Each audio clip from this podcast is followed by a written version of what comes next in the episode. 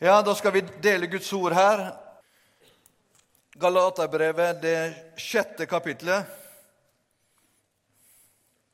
Eller Vi skal lese først det femte kapitlet, og så skal vi lese noe fra det sjette kapitlet etterpå. Galaterbrevet, det femte kapitlet, og ifra vers seks. For i Kristus Jesus gjelder verken omskjærelse eller mangel på omskjærelse. Det var jo da jødene som hadde omskjærelsen, og de som ikke hadde omskjærelsen, det var jo hedningene. Men bare tro som er virksom ved kjærlighet. Skal vi si det? Bare tro. Virksom i kjærlighet. Bare tro. Om du bare tror virksom i kjærlighet. Og så det sjette kapitlet og vers 15. For i Kristus Jesus betyr verken omskjærelse eller mangel på omskjærelse noen ting, men en ny skapning. Amen.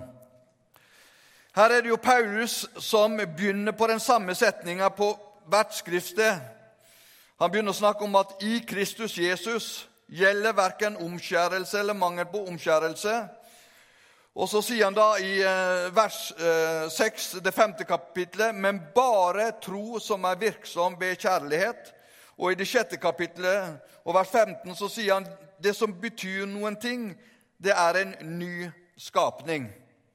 Det kunne nesten virke som Paulus mista litt sånn tråden. Men eh, det er helt tydelig det at han mista ikke tråden. Han bare på en måte forklarer litt om at når det gjelder det kristne livet, så er det bare noen ting som gjelder. Og, og det, den det gjelder for, det er den som er en ny skapning. Og Vi fikk jo høre her at dersom noen er i Kristus, så er han en ny skapning. Det gamle forganget, se alt er blitt nytt.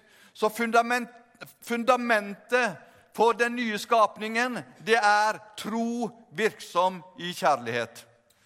For det er det vi leser her. For i Kristus Jesus Hva gjelder det der? Jo, bare, står det. Og Hvis det står 'bare', så betyr det at da er det bare det. Da betyr det ikke at det er masse tillegg. Men nå står det at det i Kristus Jesus gjelder bare tro som er virksom i kjærlighet så er det det det kristne livet dreier seg om. Det er selve fundamentet i det kristne livet. Og det er klart det at, eh, Jeg pleier å si det sånn at du skal være en dyktig teolog for å gjøre kristenlivet vanskelig. For kristenlivet er enkelt. For det som betyr noe, det er å være en ny skapning. Og den nye skapningen den er underlagt to ting. Og det er troen og kjærligheten. Enkelt og greit. Og jeg er så glad for det at eh, når vi har tatt imot Jesus Kristus, så har vi blitt nye skapninger, og så er vi i Kristus. Og det er jo sånn, vet du, at det er jo ikke vi selv som har plassert oss i Kristus. Det var liksom Gjennom lang prosess og endelig etter liksom tid og stunder så kom jeg inn i Kristus Jesus. Nei, det står faktisk i 1. Korinterbrev 1,30 at det er Guds verk at vi er i Kristus. Han som har blitt vår visdom fra Gud, vår rettferdighet, helliggjørelse og forløsning. Så det er ikke ditt verk eller mitt verk, det er ikke vårt påfunn. Vi sa bare ja. Og I det øyeblikket som vi sa ja, så plasserte Gud oss i Kristus Jesus. Og når vi er i Kristus, så gjelder bare tro virksom i kjærlighet. Og det er mange av de som har et sånt kristenliv med tillegg. Jeg husker da jeg begynte i evangeliesenteret å jobbe, så tok det ikke lange tida, vet du, for vi har så god mat på evangeliesenteret. Så jeg, husker det var noen som kom bort da, og begynte å klappe meg på magen. vet du. Og så sier de at jeg er så kjørt ned, så du har fått det her eh, sentertillegget, du også. og, og, ja, Jeg måtte jo bare kikke og se at det stemte jo. At jeg hadde fått det her sentertillegget. Men det er klart etter hvert så ble, ble jo det litt for mye av det her sentertillegget. For det ble jo etter hvert litt tungt å drasse på. Så jeg ble jo litt sånn mo i knærne etter hvert. Men kan si at da, da blir det litt sånn mye tillegg, da. Og Sånn er det med kristenlivet. Det er en del mennesker vet du, som, som på en måte legger så mye tillegg. Det blir på en måte eh, mer og mer komplisert, og det blir så mye bud og krav å forholde seg til at man til slutt da, det, det, stemmer ikke det, det bibelverset som Jesus sier. For Han sier det at det 'kom til meg, dere som bærer tunge byrder', og så skal dere få enda flere. Hæ? Er det det han sier? Så hvis du kommer til Jesus, da, så, så hvis du virkelig har det tungt, da, så, så, så må du regne med at nå skal du få det fryktelig tungt. Nei, kom til meg, alle dere som strever og tunge byrder. Og hva vil han gi oss? Hvile. Og så sier han, for min byrde er lett, og mitt åk er ganglig. Så hvis det er Herrens byrde er lett, og vi går rundt og bærer på noe som er tungt, så har vi fått et evangelie med tillegg. For at evangeliet det er ikke komplisert. Det er som Bibelen sier, tro, virksom i kjærlighet. Og jeg er så veldig glad for at Gud har lagt det på troens plan. Er du glad for det, sier du? Er ikke tro veldig sånn Det er vel en, det er eh, vanskelig å, strekke seg opp til denne troa, da. Nei, det er ikke det. For jeg er veldig glad for at Gud lagt det på troens plan. For, for I Hebreerbrevet 11,6 står det uten tro er det umulig å behage Gud. For den som trer frem for Gud, må tro at han til, og han lønner den som søker han. Og så tenker jeg alltid, Tenk hvis Gud hadde lagt det på det intellektuelle plan, da. Hm? Da er ikke mange som hadde behaga Gud, da. Det har vært noen få stykker av oss. En her nede som løfter opp hånda. Yes! ja. Og da hadde jo bare vært de, de som var mest skarpskodde, de intellektuelle. Altså, Det hadde vært kona mi. da, Hun er jo smart som bare det. Og så han som sa det at, og jeg lurte på om at ja, du, du trenger ikke å bli frelst, du, da. sa han. Nei, du skjønner det at det kona mi hun er så godt frelst at hun har frelst oss begge.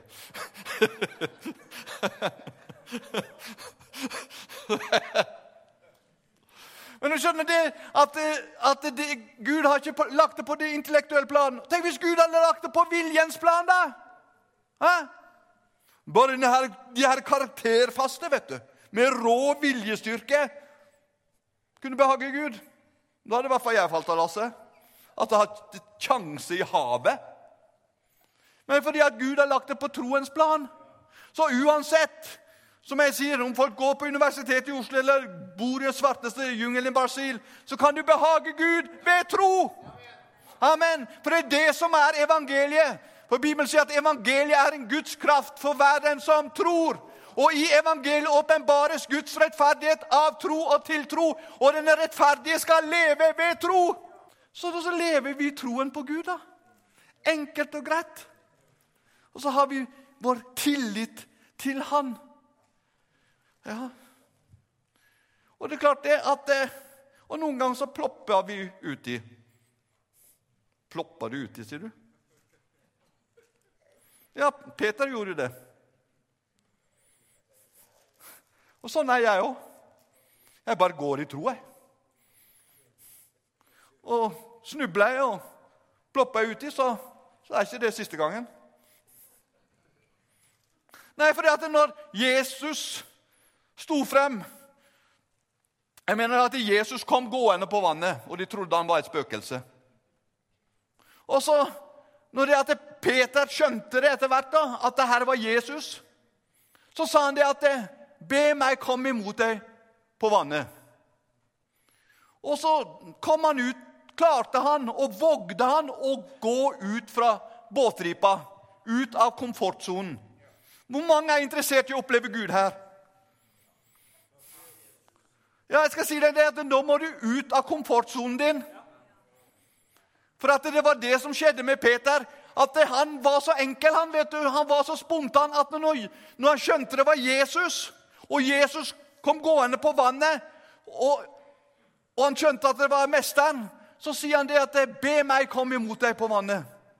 Hvis det er deg, Herre, så får du invitere meg ut på en liten en liten spasertur på bølgen den blå. Ja. Og, og, Jesus han sier med en gang, vet du, 'Kom, Peter!' Og det er klart at det, det var jo Peter som fikk oppleve det. Og folk er så opptatt av at Peter sank. Men han gikk òg, selv om han ploppa litt uti. For folk er så opptatt av det. Ja, men han ploppa jo uti. Han begynte jo å synke. Ja, men han begynte jo å gå på vannet òg. Ja. Og jeg tror jo det at alle disiplene kunne tatt seg en tur.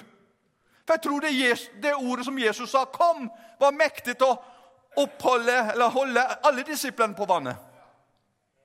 Mm. Men de vågde ikke å komme ut av komfortsonen. De vet du. De satt fortsatt oppi båten de og var like tørre. ja. ja. Men klart, når Peter da begynte å spasere bortover vannet og Så begynte han å se på omstendighetene og begynte å se på bølgene. Og så kom frykten. Og så begynte han å synke. Men jeg er så veldig glad for at han ropte på Herren og ikke på brødrene. For hvis han hadde ropt på brødrene, vet du, når han begynte å synke ikke sant? Og det var bare blub, blub, blub, blub, Og kanskje han forsvant litt under, vet du, og så dukka huet opp på andre siden av båten. På båtripa. Og Peter ropte 'Hjelp!' Så hadde bare brødrene kikka på han og sagt det at ja, måtte du absolutt Måtte du absolutt gå ut av båten? Og så hadde han fått en lang teologisk utlegning. Hvorfor han burde ha holdt seg i båten istedenfor å gå utenfor, ut på, på sjøen. Du kunne jo vært sammen, kunne ikke heller vært sammen med oss her, da? Og vært like tørre som oss? Måtte du absolutt ut og gå på sjøen. Vi visste jo åssen det kom til å gå. Ja, men hjelp, da! Kan dere få meg opp i båten? Ja, vi skal be for deg, vi, Peter. Gud velsigne deg, broder. Og så hadde de bare dytta han litt til. Enda lenger under.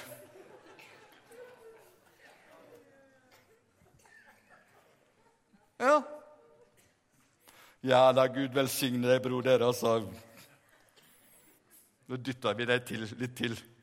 Kanskje du får lære en leksjon. Bli litt mer ydmyk. Ja. Hm? Men takk og lov for at han ropte på Herren.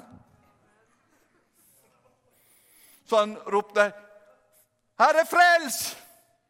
Og det var ikke lange bønnen, vet du. Mange som tror at det er de lange bønnene som får mirakler til å skje. Tenk hvis Peter skulle bedt en lang bønn, da! Lagt ut og og det brei, vet du, og begynt å forklare Jesus åssen han hadde det. Ikke sant? Jeg begynner å forklare Jesus at nå, Jesus, jeg prøvde jo å gå på vannet, da, men det gikk dessverre dårlig. Hvor var du hen da? Og så, ikke sant? Jeg skal si dette, Før han hadde fått bønnesvar, vet du, så han hadde nådd bunn. Og Mens han drev og la ut den lange teologiske bønnen sin, da, så hørte du bare blå, blå, blå, blå, blå, blå, Og da han kom til å forsvinne helt i bånn. Nei, han bare ropte 'Herre, frels!' Amen, Det var et nødrop fra hjertet. Og Herren han nø hører nødrop fra hjertet. Han kommer til å høre ditt rop i kveld. Derfor så står det 'Rop på meg, så vil jeg svare deg' og fortelle deg store og ufattelige ting. Det var sånn jeg ble frelst. Jeg Jeg kom inn på et møte i 1976 og fikk høre det. At Jesus kom ikke for sånne perfekte folk, rettferdige. Man kom for syndere. Og jeg hadde jo levd et ganske syndig liv. Det visste jeg, så ingen trengte å overbevise meg om at jeg var en synder. Det visste jeg veldig godt, for det var det livet jeg levde. Men så fikk jeg høre det at Jesus kom ikke for å kalle rettferdige, men kom for å kalle syndere til omvendelse. Og når jeg fikk høre det, vet du, så tenkte jeg at ja vel, hvis Jesus kom for syndere, da er i hvert fall jeg kvalifisert. tenkte jeg. Og så åpna jeg opp hjertet mitt. Og så inviterte jeg inn Jesus inn i livet mitt. Og ikke bare, ikke bare åpne opp hjertet mitt, men jeg ropte ut sa 'Jesus, frels meg!' Og så gjorde han det. Halleluja. Og så ga han et helt nytt liv. Priset være Herren. Du skjønner det at Herren vil at du skal ta et steg i tro ut av denne komfortsonen, vet du. For skal vi oppleve noe med Gud, så må vi våge å ta stega ut i tro. Ja, for klart at Hvis ikke Peter hadde tatt steget ut utenfor båttripa, så hadde ikke han fått oppleve å gå på vannet. han. Og så er det så nydelig, vet du. Jeg syns det er så flott. At selv når det, at det går gærent med oss, og vi plopper litt uti Har du gjort det, da, Skjortnes? Ja, mange ganger. Har du sluttet å gå på vannet for det, da? Nei. Jeg syns det er så mye morsomt å gå opp på vannet. ja, ja, ja. Jeg, var, jeg, er enig med Åge Samuelsen da de sa til Åge at eh, Åge, du som har så stor tro, har du gått på vannet noen gang? Ja, sa han, det, går, det gjør jeg hver dag. det, sa han. Hele landet her er full av vantro, og oppå der går jeg.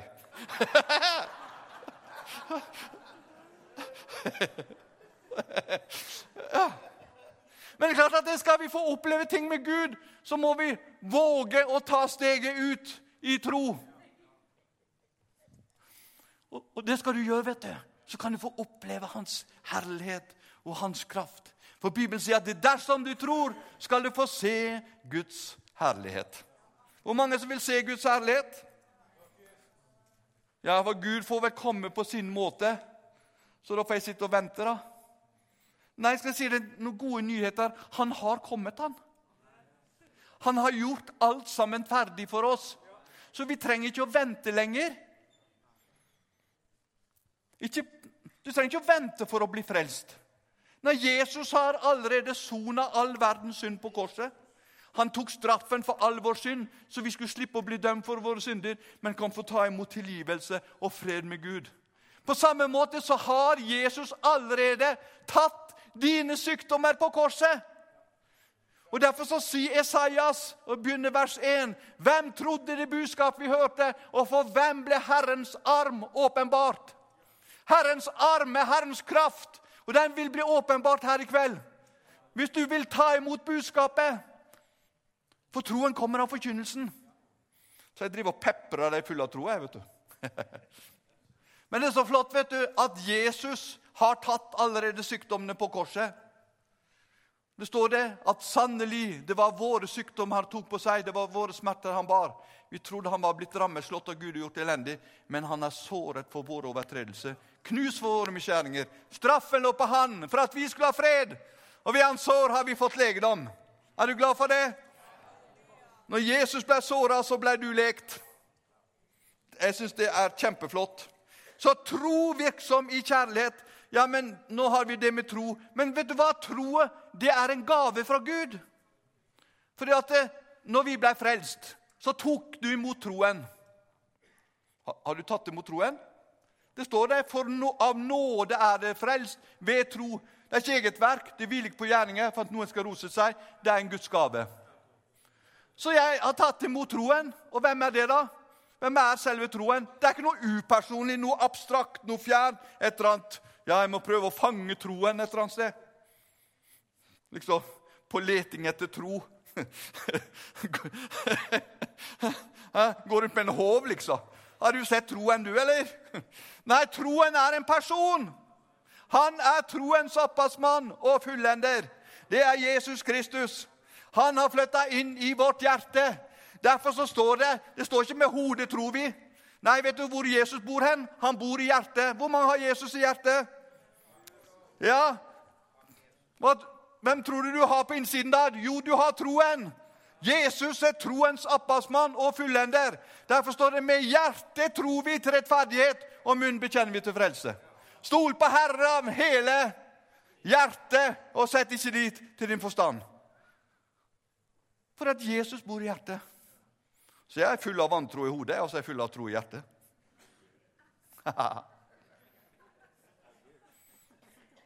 det er ikke du og, det, det har Du òg hatt det sånn. Hvor mange har tvilt i hodet noen gang? Se her. Masse sånne Thomaser. Thomaser som tvilere. Men vet du hva? det gjør ingenting om du tviler i hodet ditt. For troen sitter ikke i hodet.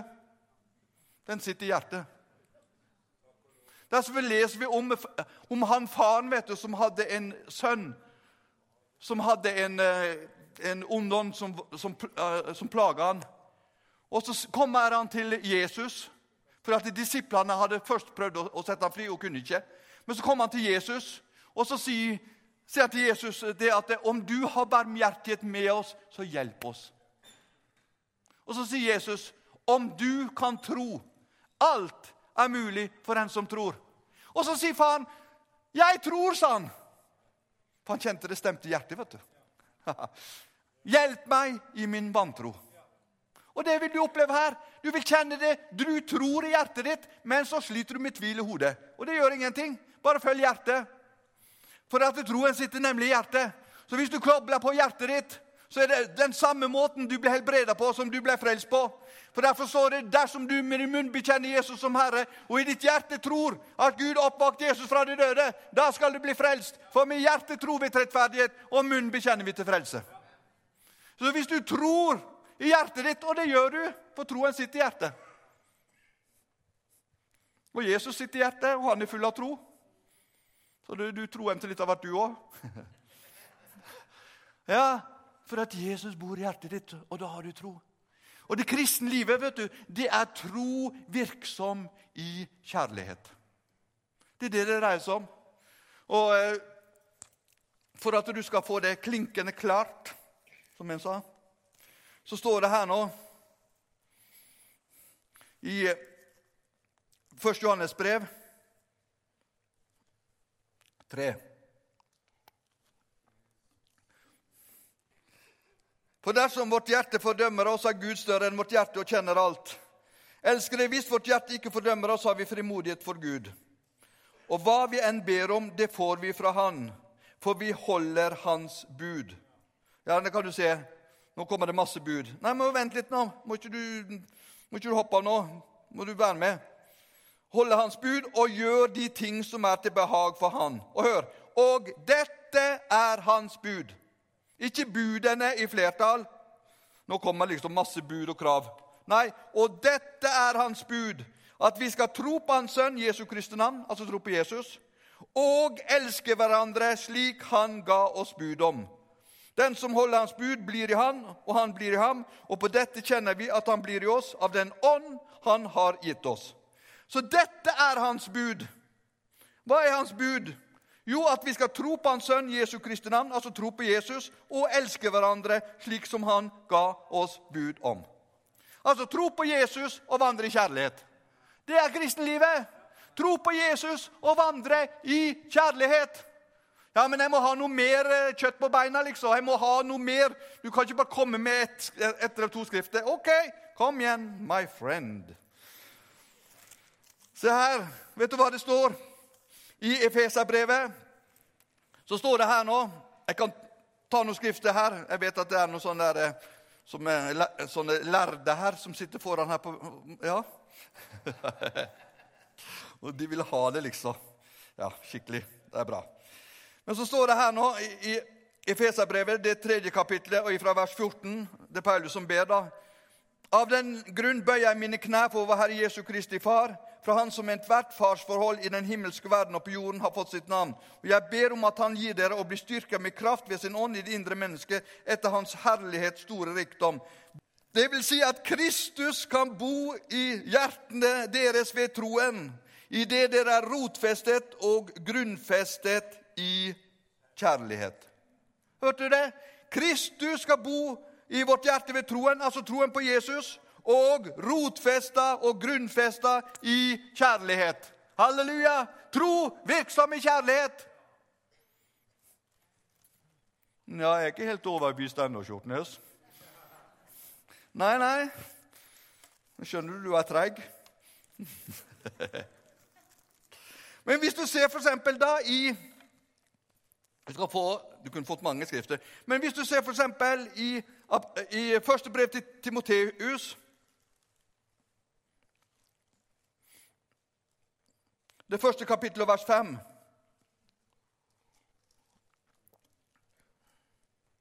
Her står det 'budets siktemål'. Ikke budene i flertall. Du tenker ja, vi må holde alle budene. Nei, det står ikke det. Det står 'budets', altså i entall. Budets siktemål eller på, på svensk Jeg var i Sverige og preka, og det var mye bedre oversatt. Der står det 'budets eh, målsetning', eller mål. Siktemål, ja, ja, det er jo helt greit, det, men målsetning, altså budets målsetning og siktemål, er kjærlighet som kommer av et rent hjerte ja, da trenger vi å få et rent hjerte, da, Skjortnes.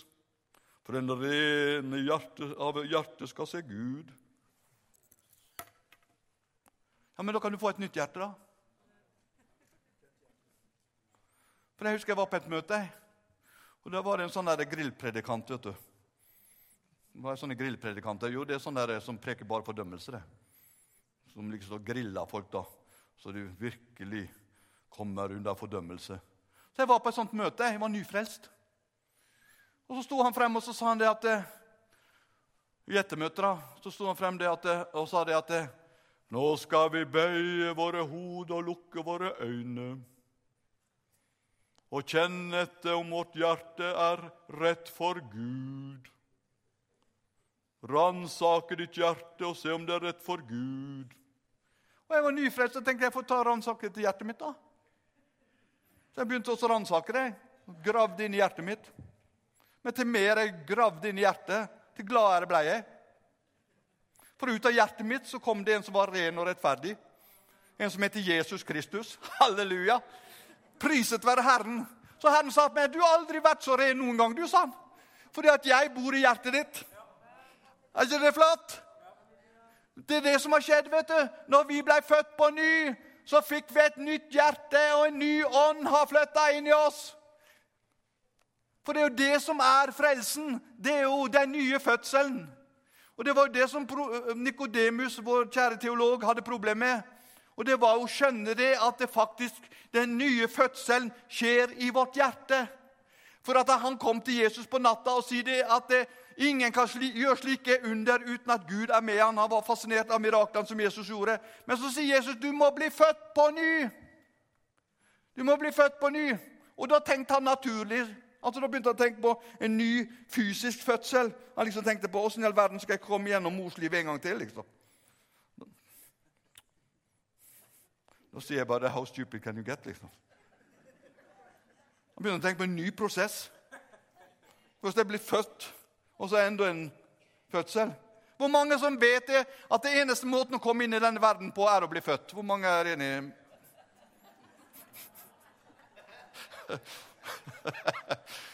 og Den eneste måten å komme inn i Guds verden på, og Guds rike på, det er å bli født. Født på ny. Og så måtte Jesus si da, når han begynte å snakke om fysisk fødsel, sånn, så sier han, Jesus til han at det som er født av kjøtt, er kjøtt. Men det som er født av ånden, er ånd. Undrer ikke over jeg sa at du må bli født på ny. Så Jesus snakker ikke om en fysisk fødsel eller en mental fødsel. Han snakker om en åndelig fødsel. Halleluja! For det er det som skjer. Når vi tar imot Jesus, så blir Jesus født inn i vårt hjerte ved Den hellige ånd. Ja, På samme måte som, i, som, som Maria opplevde at eh, Jesus ble født inn i hennes mage. Så når vi tok imot Jesus, så ble han født inn i vårt hjerte identifisert med han. Han lever i oss. Og hvor, Hva er kristenlivet? Tro virksom i kjærlighet. Det er kjærligheten, vet du. For kjærligheten er nemlig sånn at kjærligheten er lovens oppfyllelse. Og det er det det står. I Romerbrevet 13 skal jeg komme til en konklusjon her. Dette blir så flott. Romerbrevet 13. Er du med meg? Så står det her Bli ikke noen skyldige uten det å elske hverandre, for den som elsker sin neste, har oppfylt loven. Forbudene du skal ikke drive hor, du skal ikke slå i hjel, du skal ikke stjele, du skal ikke vitne falsk, Du skal ikke begjære, og hvilket annet bud det skulle være, blir samfattet i dette ord. Du skal elske de neste som deg selv. Kjærligheten gjør ikke nesten noe ondt. Kjærligheten er altså lovens oppfyllelse. Så istedenfor at Herren ga oss ti bud, så har han gitt oss en ny pakt, ett bud. Og den kjærligheten som er utøst i vårt hjerte ved Den hellige ånd, oppfyller alle de andre budene. For når vi vandrer i kjærlighet, så vil ikke vi begjære noe av nesten, det er nesten vår egen. Vi vil ikke stjele, vi vil ikke ljuge.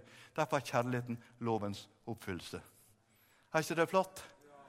Amen. Jeg husker det ene det at jeg var ufrelst vet du, og var åndelig søkende. Så, så spurte jeg en muslim så spurte jeg først han. Eller jeg spurte først en kristen, sånn var det. Jeg spurte først en kristen og spurte hvor mange bud har dere. Og han sa det at det, vi har ti, sa han. Ti, seg! Har dere ti bud? Jeg syns det er litt mye.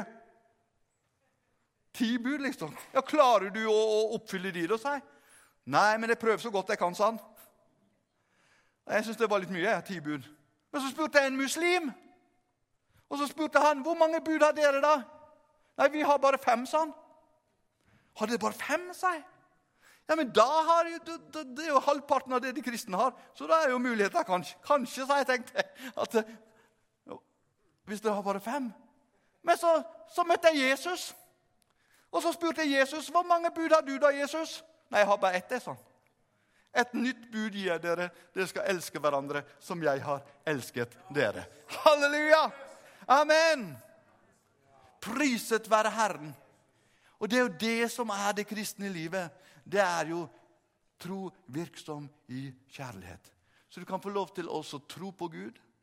Og du kan få lov til å tro på hans løfter, og så kan vi få lov til å vandre i kjærlighet. For den kjærligheten ja, men tenk, ja, men Da er det jo bare en ny betingelse, da, det med kjærlighet. Ja, men Det står at Guds kjærlighet er utøst i vårt hjerte ved Den hellige ånd, som Han har gitt oss. Så den kjærligheten som vi trenger for å leve det kristne livet, det kapitalen har allerede flytta inn i oss ved Den hellige ånd. Både troen og kjærligheten bor i vårt hjerte. Nå kan vi velge å stenge både troen og kjærligheten inne som i et fengsel, men det er når vi handler på det, så frigjør vi den troen, så frigjør vi den kjærligheten, og så blir det en virkelighet i våre liv. Amen. Og du kan få oppleve det i kveld. Hvor mange er det som vil, få, vil oppleve det i kveld? Er det noen som vil oppleve det? Har du et behov i ditt liv? Hvor mange har et eller annet behov i livet ditt? Så flott! Dette blir jo et fantastisk kveld, der Gud kommer til å høre våre bønner. For det står så fint at alt dere ber om i bønnen deres, tro at dere har fått det, så skal dere få det. Ja, men har vi fått det, da? Ja, vi har fått det. Ja, hva har vi fått? Vi har fått Han som alle Guds løfter har fått sitt ja og sitt amen i. Så alle de løftene som du tenker på, de har allerede Gud svar på. Og vet du hva Gud har sagt til de løftene? For hver eneste løfte Noen sagt at det er 4000 løfter, noen sagt at det er 7000 løfter. Men alle de løftene som du kan tenke på, uansett hva det gjelder, om det gjelder åndelig, gjelder fysisk, materielt, økonomisk Uansett hvilken løfter det er, vet du hva Gud har sagt til de løftene? Det står i Bibelen. For alle Guds løfter, for, for så mange som Guds løfter er, har de fått sitt ja og amen i Kristus Jesus. Så Gud sier ikke tja, vet du. Så når det er at Gud sier han vil tilgi alle våre misgjerninger og leger alle våre sykdommer, så sier ikke Gud ja, jeg vet ikke helt, jeg. Nei, han sier ja. Og hvis du i andre enden kan si amen, så ja, det var en som fikk ABBA-ropet. amen! Og hvis du kan si amen i andre enden, vet du Og vet du hva amen betyr? La det skje, betyr det! Så det er der at det må være en kobling mellom det Gud gir, og det vi tar imot. Alle Guds løfter fra Guds synspunkt har fått sitt ja. Gud sier ja, ja, ja, ja, ja. Og han bare venter på at vi i andre enden skal si amen, amen, amen, amen.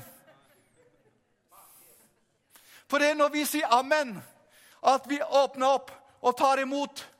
For Gud er ikke sånn at han presser seg på deg. liksom. Ja, du skal, du, vet du. Du må, du. Nei. Han kommer som en gentleman, og så dekker han bordet for deg. Mm. Sånn er Gud. Han dekker bordet for oss. Han varter oss opp fra himmelen. Vi får himmelsk piknik. Ja, Det står han har dekket bord for oss, like for våre fine øyne. Han har salvet vårt hode med olje, og vårt beger flyter over. Så Gud har allerede dekka bordet, han. Det har han gjort. Ja, Hva trenger du, da? Trenger du å bli fylt av Den hellige ånd? Så er det vin på bordet, vet du. Åndens vin. Du har fått en ånd å drikke, står det. Så drikk, står det. Ja, Da må du åpne opp munnen, da. Du kan ikke lukke munnen da. Du må åpne opp, og så må du ta imot. Og så står det om at helbredelse er barnas brød. Så det er brød på bordet. Og Når Gud har dekka det, så er det bare én ting for oss å gjøre, og det er å sette oss til bords. Og så kan vi begynne å ta imot. Gud har nemlig dekka det. Bordet er dekka. Ja. Men da må du sitte, da. Og det er Mange kristne vet du, har ikke tid til å sitte. Derfor står det så skal det gis et godt mål. Rystet breddfull skal du få hvor hen da? I fanget. Du skjønner at Guds serveringsmåte er i fanget. Han gir oss i fanget. Så Det betyr at da må du falle til ro, og så må du sette deg. Du som er oppi der i sjelslivet ditt, du må sette deg. Og så skal du bli servert rett ifra himmelen. Halleluja. Det er så nydelig. Og jeg har sett det vet du, gang på gang, der mennesker har roa seg ned og bare åpna opp hjertet sitt, og så bare tar imot. Så får Gud servert deg, og så får han gitt deg det du trenger til. Og vet du hva det står? Han ønsker at du i alle deler må ha det godt og være ved god helse, liksom din sjel har det godt. Så Herren vil gi deg gode ting her i kveld.